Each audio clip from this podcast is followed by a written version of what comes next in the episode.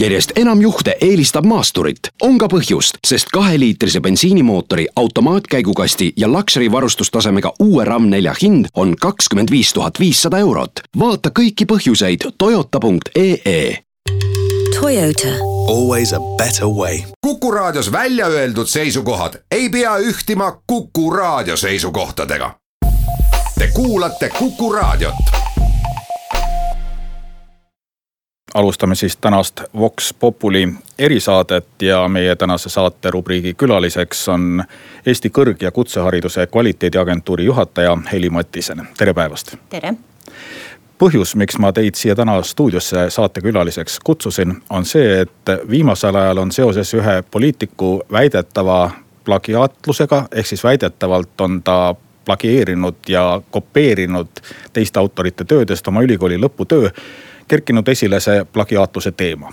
tegelikult see valdkond ja ma arvaks, et ka plagiaatide tuvastamine on suhteliselt keeruline, sellepärast et maailmas igasuguseid tekste, pean silmas kirjalikke just suulisi tekste, ma arvan, et kui näitleja esitab autori loomingut laval, siis seda ei saa plagiaadiks pidada. et neid on ju nii tohutult palju ja nüüd leida, et kas või kust midagi on kopeeritud, see on tohutult raske ülesanne, aga alustame sellest, et räägime lahti, et mida me üldse plagiaadiks loeme ja kui lihtne on seda tuvastada? ja plagiaat on ikkagi teise inimese kirjutatud töö enese omaks äh, võtmine ehk siis vargus. ta on tekstivargus, ta on äh, kõige, kõige lihtsam ongi võib-olla öelda ja, ja otsem ongi välja öelda nõnda, et. Äh, et plagiaat on sisuliselt teise inimese töö omastamine, mis ju omastamine on vargus kui lihtne või keeruline on plagiaati tuvastada, et sellega maadlevad äh, väga paljud institutsioonid äh, üle maailma äh,. meil on mitmeid plaagituvastus, plagiaadituvastustarkvarasid maailmas kasutusel. ja, ja sama aktiivselt töötavad siis need, kes pakuvad välja lahendusi, kuidas plagiaadituvastusprogramme ära petta ehk siis, kui natukene guugeldada näiteks äh, internetiavarustes ringi, siis leiab äh, otsingu peale, et, et kuidas petta mõnda plagiaadi tarkvara. siit väga häid soovitusi, kuidas see tegelikkuses võimalik on. nii et äh, kui me räägime nüüd sellest, et, et kuidas plagiaadi vastu võidelda, siis nagu enamikel juhtudel mulle tundub, et tagajärgedega võidel, võitlemine on nagu suhteliselt tuuleveskitega võitlemine et äh, suurem rõhuasetus tuleks panna äh, sellele, et ennetada, et üldse välistada seda, et plagiaat tekib teadustöödes on ju tavaks viidata ja see on ka täiesti tavaline, et viidataksegi ja kasutatakse teiste autorite mingeid tsitaate, mingeid andmeid. teadust ei saa minu arvates teistmoodi üldse teha. kus see piir läheb, kui palju võib viidata ja millal plagiaat tekib? Äh, kui on viidatud, siis ei ole plagiaat ehk siis äh, sisuliselt ma ju siis tunnistan oma teadustöös, et ma olengi laenanud mingeid mõtteid. isegi kui need ei ole tsitaadi vormis, vaid ma olen näiteks oma sõnadega ümber veidi jutustanud seda, mida keegi teine on välja mõelnud. siis see ja, ja viitan autorile, siis see ei ole plagiaat ja see on igati lubatav ehk, ehk igasugune viitamine teadustöös on ainult teretulnud ja, ja mitte keegi ei saa seda mitte kunagi plagiaadiks pidada, et nii nagu ka siin näitleja näiteks oma lõputöös esitab Hamletit, et siis on, me kõik teame, et see on Hamlet ja tema ka ei varja, et see on Hamlet ja et selle on kirjutanud hoopis Shakespeare, mitte tema ehk siis sisuliselt kirjalik teadustöö võibki koosneda tekstidest, millele on viid-, viidatud. Päris nii see ju ei ole, sest et igasuguse teadustöö eesmärk on luua uut teadmist. ehk siis, kui ta baseerub puhtalt nii-öelda varasemate tead-, varasematele teadustöödele viitamisega, siis ta ei olegi teadustöö, et siis ta on referaat. Ta on kokkuvõte varasematest uuringutest ja, ja see kokkuvõte on tegelikult täiesti normaalne ja loogiline igasuguse teadustöö osa ehk siis igasugusele teadustööl tavaliselt on ülevaade sellest, millised on selles valdkonnas tehtud varasemad uuringud. millised on need põhilised tulemused, millistega autor on nõus, millistega ei ole nõus. aga igal juhul iga teadustöö peaks nagu äh, originaalse probleemi äh, välja pakkuma ning leidma lahendusi sellele. millal meil Eestis hakati üldse plagiaatlusele tähelepanu pöörama? No ma loodan, et, et enne seda, kui, kui mina kõrgkoolis õppejõuna tööle hakkasin ikkagi, et ma ausalt öeldes ei oska sellele küsimusele. kas see tuli va... koos arvutitega? ei, kindlasti mitte, kohe kindlasti mitte, et mina mäletan küll oma ülikooli ajast ja see, see on kindlasti enne seda, kui arvutid tulid.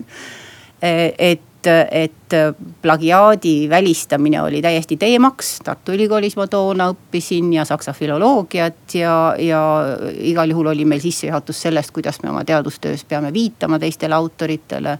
nii et äh, aga pla-, plagiaadi tuvastamisega toona ikkagi tegelesid mitte arvutid loomulikult, vaid selleni pidid siis jõudma oma tarkusest juhendajad ja tööde retsensendid ja, ja mul tundub, et ka võib-olla me tänapäeval oleme nii-öelda nende juhendajate ja retsensentidena muutunud natukene lohakaks või, või loodamegi liiga palju selle peale, et on kuskil mõni väga tark inimene, kes on välja mõelnud plagiaadi tuvastustarkvara. ja, ja kui sealt mingit mm, plagiaadi infot ei tule meile, et siis me leiamegi, et tegemist ei ole plagiaadiga.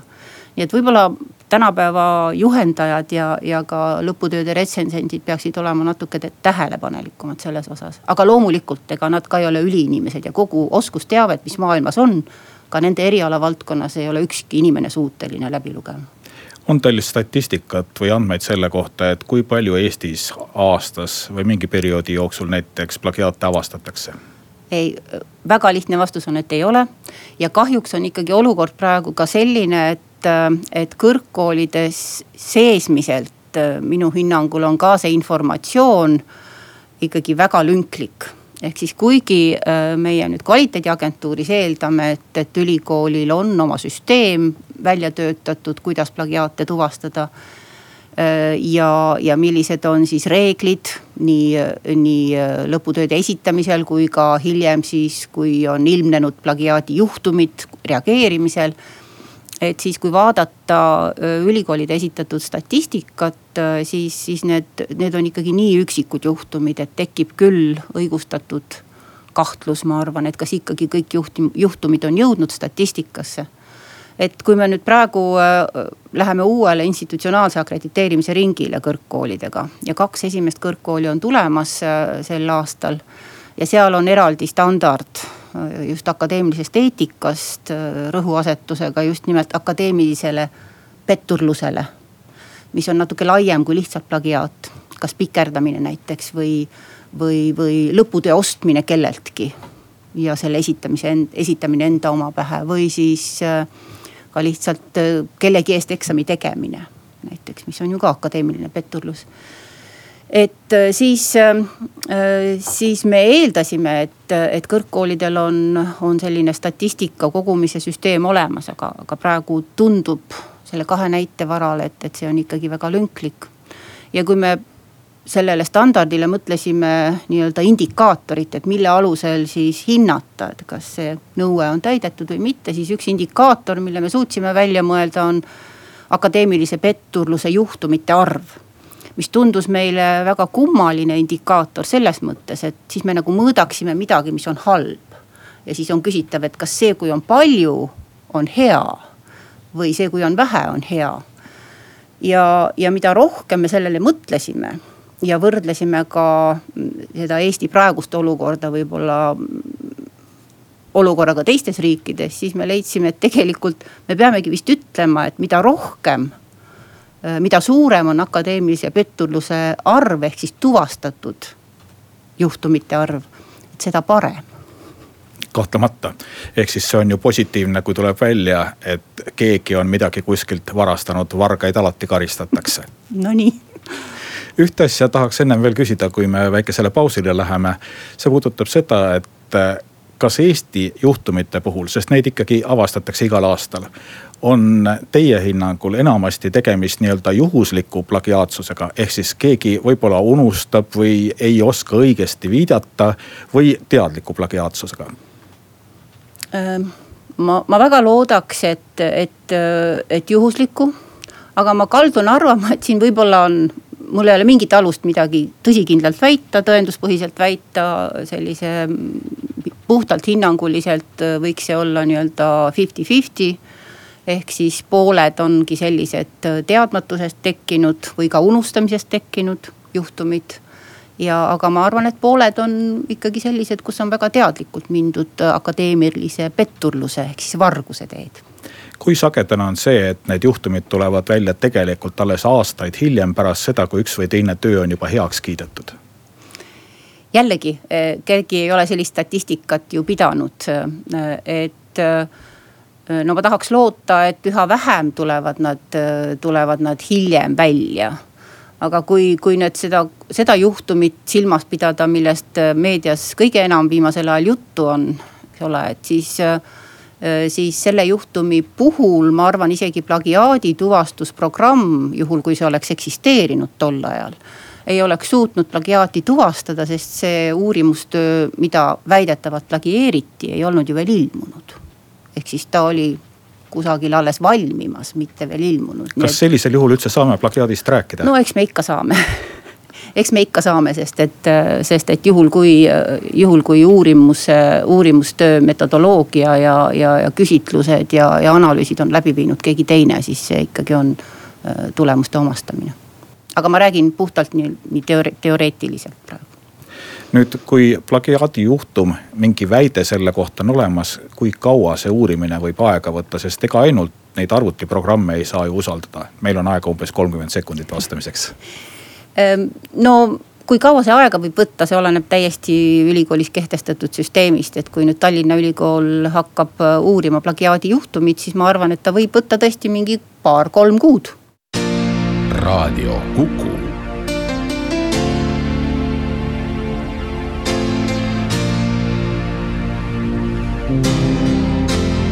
raadio mõtlevale inimesele. Saade. jätkame saadet ja täna on siis Vox Populi erikülaliseks Eesti Kõrg- ja Kutsehariduse Kvaliteediagentuuri juhataja Heli-Mott Tiisen. ja kuulajatel on nüüd võimalus meile ka sisse helistada, meie telefoninumber on kuus, kaks, üks, neli, kuus, neli, kuus ja tegelikult ennem kui me saame selle saatelõigu sissejuhatuse teha, tundub, et esimene helistaja on juba ka liinil, tere päevast. tere päevast, ma kuulsin proua juttu väga veenev ja sihukene noh, nagu kindel, kindlust andev. ma tahaks nüüd küsida nii, et no nüüd kaks varianti. tehakse noh, tähendab jääb õigeks ja on plagiaat. mis te arvate, kas need plagiaadi läbilaskjad, kas tuleks siis avalikustada? kes need on, missugused komisjonides või noh, kuidas see, kuidas see saaga seal üldse hakkama sai, kus esimene, esimene nagu öeldakse, lõikus kohast läbi lasti ja siis järgmised ja siuksed. aga ma arvan ka, et kui ei, kui õigeks, siis nagu ei avalikustata siukseid asju, mis teie arvate? no üldiselt on ikkagi nii, et äh, taoliste plagiaadijuhtumite puhul ülikooli-sisene juurdlus toimub nii-öelda. ehk siis ülikooli vastav komisjon, mis on kokku pandud, peaks hindama seda olukorda. lõpuks seda tulemust ja siis ka analüüsima, miks selle tulemuseni jõuti, et ehk siis, mis on need põhjused. nüüd, äh, kas äh, tagasiulatuvalt nüüd äh, pan-, häbimärgistada avalikkuse ees neid inimesi on, on teine küsimus, äh, sest et Äh, selleks ma arvan, oleks vaja võib-olla natuke tõsisemat äh, juurdlusorganit juba appi võtta, kui on see ülikooli nii-öelda ekspertidest koosnev komisjon. aga üldiselt on ju teada, et ega see on ka avalik info, et äh, kes on juhendaja, kes on retsensent olnud ja, ja ka, kes on siis ka lõputöö kaitsmiskomisjonis olnud, et, et see info on nii või teisiti avalik ja ega see tuvastamine alati nii lihtne ka ei ole, sellepärast et juba selle plagiaadi enda tuvastamine on keeruline, ega siis ei saa ka juhendajatele seda alati süüks panna. aga järgmine helistaja on taas liinil, tere päevast. no tervist, Eerik Tartust. tähendab, no need asjad, äh, selle üle ei maksa vist arutleda, et kas see oli ka varem ja ta on ees nii palju inimkond on olnud, on need ideed ja vargused ju kehtinud, selle jaoks on leiutistele patendiseadused ja nii edasi ja nii edasi, aga mõni arvab, et nõukogude ajal sellist seadust ei olnud. et võisid muudkui maha vehkida ilma viiteta, siis nii see ei olnud kindlasti. aga nüüd tähendab ikka, ikka, ikka huvitav, kas ei ole, te ütlesite, et nagu ei olegi päriselt seda siis, kes kes jälgib neid, et ei oleks sellist asja. sellest siin ei ole ka minu arust küll kõrgel komisjonil midagi arutada, kui telest näidati lehekülgede kaupa üks ja sama, isegi kirjavead, no püha jumal, selle jaoks ei pea kõrged akadeemikud oma aega raiskama, see on isegi eh, ilma hariduseta inimese selge, see on puhas plagiaat. nii et jõudu tööle, aitäh kommentaari eest no kui siit küsimust otsida, siis on küsimus ehk see, et kas on, kes jälgib. No ikkagi õppeasutused ise jälgivad seda ja õppeasutuse asi on ka lõpuks võtta vastu selline otsus, mis tühistab näiteks selle varasema otsuse juhul, kui nad leiavad, et see plagiaat on on tõepoolest tegelikkuses olnud, nii et jälgivad õppeasutused ise et sellist keskset jälitusorganit Eestis ja ka mujal maailmas tegelikult ellu kutsutud ei ole ja järgmine helistaja on ka küsimusega valmis eetrisse tulema, tere päevast. tere, kui nüüd juhtub selline asi, et Tallinna Ülikooli akadeemiline komisjon äh, teatab, et või jõuab otsusele, et see ei ole plagiaat. ja noh, Tallinna Ülikooli akadeemiline maine on suht niru, et kas siis seda otsust saab ka kuskile mõnda institutsiooni nagu edasi kaevata, sest need, kes selle uuringu reaalselt nagu teostasid, et need ju leidsid, need inimesed, et on tegemist plagiaadiga, et, et kuhu, kuhu on võimalik see ja kas on võimalik see Tallinna Ülikooli noh, mis iganes otsus edasi kaevata?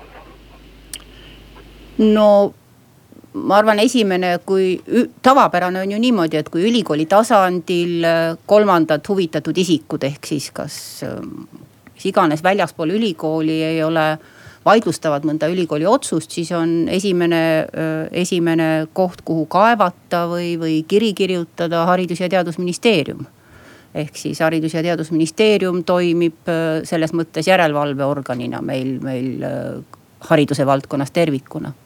Aga ma ei kiirustaks nagu ette asjade sündmusest, et, et edasikaebamine muidugi on võimalik ja, ja edasine uurimine ka, kui see peaks vajalikuks osutuma. ja järgmine küsija on juba liinil tere päevast.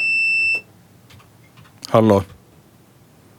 paistab, et keegi meiega rääkida ei taha, aga tegelikult see petturluse või, või plagiaatsuse küsimus ei ole ju mitte seotud ainult ühe valdkonnaga, ehk siis akadeemilise valdkonnaga. me võime siia tuua muusikavaldkonna, kus on ühe või teise laulu või, või loo heliteose kopeerimist aegade jooksul juba väga ammu ette tulnud, kasvõi võtame Eesti Laulu siin näiteks või võtame kasvõi mingid varasemad hoopis maailmast nähtused.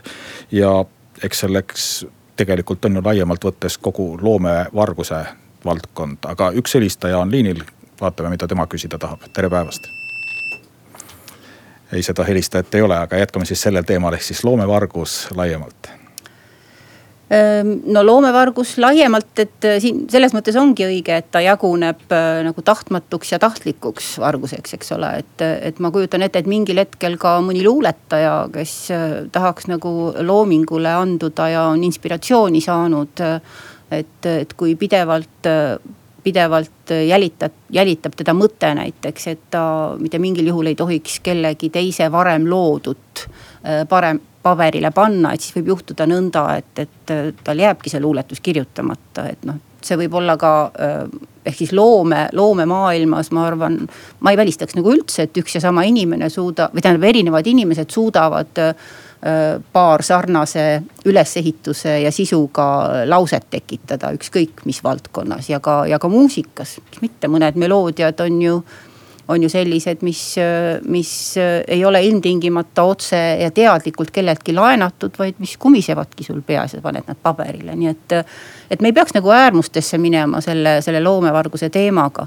küll aga, mis mind isiklikult ja, ja, ja noh, mitte ainult mind isiklikult, vaid, vaid kõrghariduses on üha suurem ja suurem probleem, on ja mitte ainult kõrghariduses, on, on seesama petturlus nagu laiemalt, erineval moel teise, teise töö omista-, omastamine. ja, ja näiteks ka spikerdamine.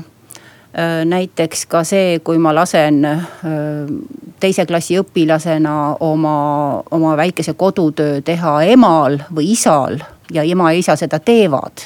kuigi see on minu kui teise klassi õpilase, eks ole ju, töö tulemus peaks olema ja, ja perekond seda toetab ehk siis me peaksime kogu selle teemaga vaatama natukene rohkem juurteni välja, et, et kust see pärit on, et kust, kust, miks me üldse arvame, et see on lubatud üks on see muidugi, et ühiskonnas tervikuna tundub meile, et väga palju on lubatud, et, et suured pettused ja vargused ei saa karistatud. ja seetõttu laieneb see lubatavus justkui ka kõikidele valdkondadele. Teine on ikkagi see, et kuidas me ise näiteks lapsevanematena või ka koolis õpetajatena suuname õpilasi. et mis on oluline, et kas oluline on see, et õpilane saavutab parima tulemuse oma klassikaaslaste seas või see, et õpilane tõepoolest õpib midagi juurde et kuna meie ühiskond on valdavalt selline tulemusele orienteeritud ja nagu nagu sotsioloogid ütlevad äh, väärtusuuringutes, et, et ta on nii-öelda ellujäämisväärtustele orienteeritud, mitte eneseteostusväärtustele orienteeritud ühiskond. et siis me, siis me unustame ära selle, et miks me õpime, kas õpi-, miks me õpime näiteks algkoolis või, või keskkoolis, miks me ülikooli tuleme kas me tuleme selleks, et oma eksamid ära teha või me tuleme selleks, et tõesti teadmisi juurde saada. ja sisuliselt ju need lõputööd ja, ja, ja eksamitööd ja, ja kõik kodutööd, mida me teeme õpingute jooksul, peaksid olema need läbi, mille me õpime kuus, kakskümmend üks, nelikümmend kuus, nelikümmend kuus on telefoninumber, kuhu Vox Populi erisaatesse saab helistada ja helistaja on ka liinil, tere päevast. tere päevast. ja teil on võimalus küsida. rääkida, ütleme nagu ideevargusest natuke madalamal kui akadeemilisel tasemel ikkagi. omal ajal oli juba sihuke kord loodud, et siis kui töötu olid ja, ja tahtsid mingit äri alustada, noh siis pidid lõpetama kohustuslikus korras nagu ärikoolituse Töötukassa kaudu. ja siis pidid äriplaani esitama mingile komisjonile, no ekspertide komisjon vaatas siis selle läbi, otsustas, kas siis eh, toetatakse siis tollal oli krooniaeg viieteist tuhande krooniga või mitte aga noh, kui inimene tegi, eks ole, seal turu-uuringu ära, siis tegi äriplaani valmis, esitas komisjonile, komisjon siis ütles, et ei kõlba see äriplaan. Ja noh, mingi sihuke absurdne põhjendus nagu, et natuke liiga optimistlikult progre-, prognoositud tulevane käive. nii, äriplaan jäi no, komisjoni kätte, noh, töötaja loomulikult edasi töötuks. Ja, ja siis natukese mõne kuu pärast, natukese aja pärast samas omavalitsuses ilmub mingisugune äri välja.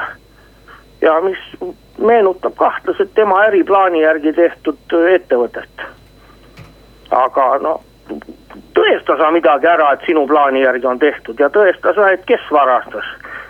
tähendab, arvatavasti keegi teine nendest ei ole näinud, kui peale sinu enda, kui sa ei ole seda äriplaani noh, väga laialt levitanud et sinu enda ja selle komisjoni, ekspertide komisjoni. aitäh, et teie küsimus on meile arusaadav, see ei ole küll päris teie valdkond, aga proovime siiski vastata ja ei, ma arvan, et see on tõstetav üle, kantav üle ka minu valdkonda, ehk siis noh, näiteks üks juhtum, mis mul meelde tuleb, kus magist-, magistrant tegi oma lõputöö ja. ja püüdis avaldada artikli, selle põhjal ta ei saanud seda avaldatud. ja, ja juhendaja avaldas selle aasta hiljem oma nime all ehk siis meil on igasuguseid näiteid võimalik erinevatest valdkondadest tuua ja, ja noh, nagu mulle tundubki ja nagu enne, enne pausi sai ka öeldud, et, et siin on nagu probleem laiemalt nendes väärtustes, ehk siis nendest deklareeritud väärtustest, kui me ütleme, et ausus on üks meie põhiväärtusi. aga reaalsuses toimime sellele äh, vastupidiselt. ja kui on olemas mingisugused tõendid, eeskätt muidugi kirjalikud tõendid, siis on võimalik ju pöörduda nendes asjades politsei poole, aga kuulame järgmist ja. küsimust, tere päevast ei ole praegu küsijat liinil paistab.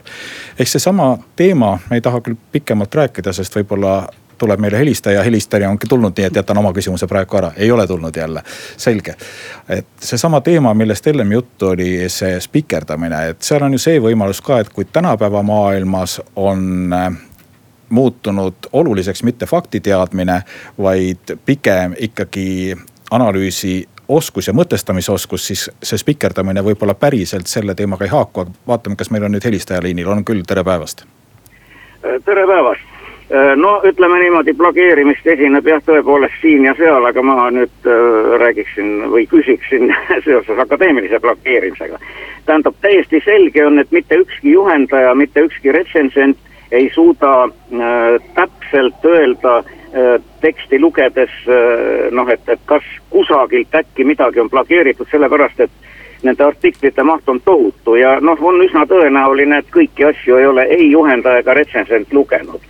Et selles mõttes mul on, mul on sedasorti küsimus, et ähm, võib muidugi hurjutada juhendajaid, kes ei märganud ja retsensente, kes ka ei märganud, aga see on tegelikult täiesti võimalik. äh, sest noh, seda materjali on nii palju ja ei ole kohustust ega võimetki kõigil, kõiki materjale läbi töötada. ja nüüd küsimus on selline, et äh, kas ikka on vist nõnda, et esimene vastutaja plagiaadi eest on see, kes plagiaati tegi sest kui üliõpilane õpib, siis ju talle on räägitud, mis on plagiaat, kuidas seda äh, vältida ja nii edasi ja, ja nüüd äh, võib-olla muidugi juhuslikult mingi viide jäi tegemata, sellepärast keegi ei tõsta kisa. aga kui lehekülgede kaupa tekst täiesti kordub ja ei ole mitte mingisugust viidet noh, siis ei ole nagu mingit küsimust, et minu küsimus on, et, et kas ikka see peavastutaja on siiski see, kes plagieerib.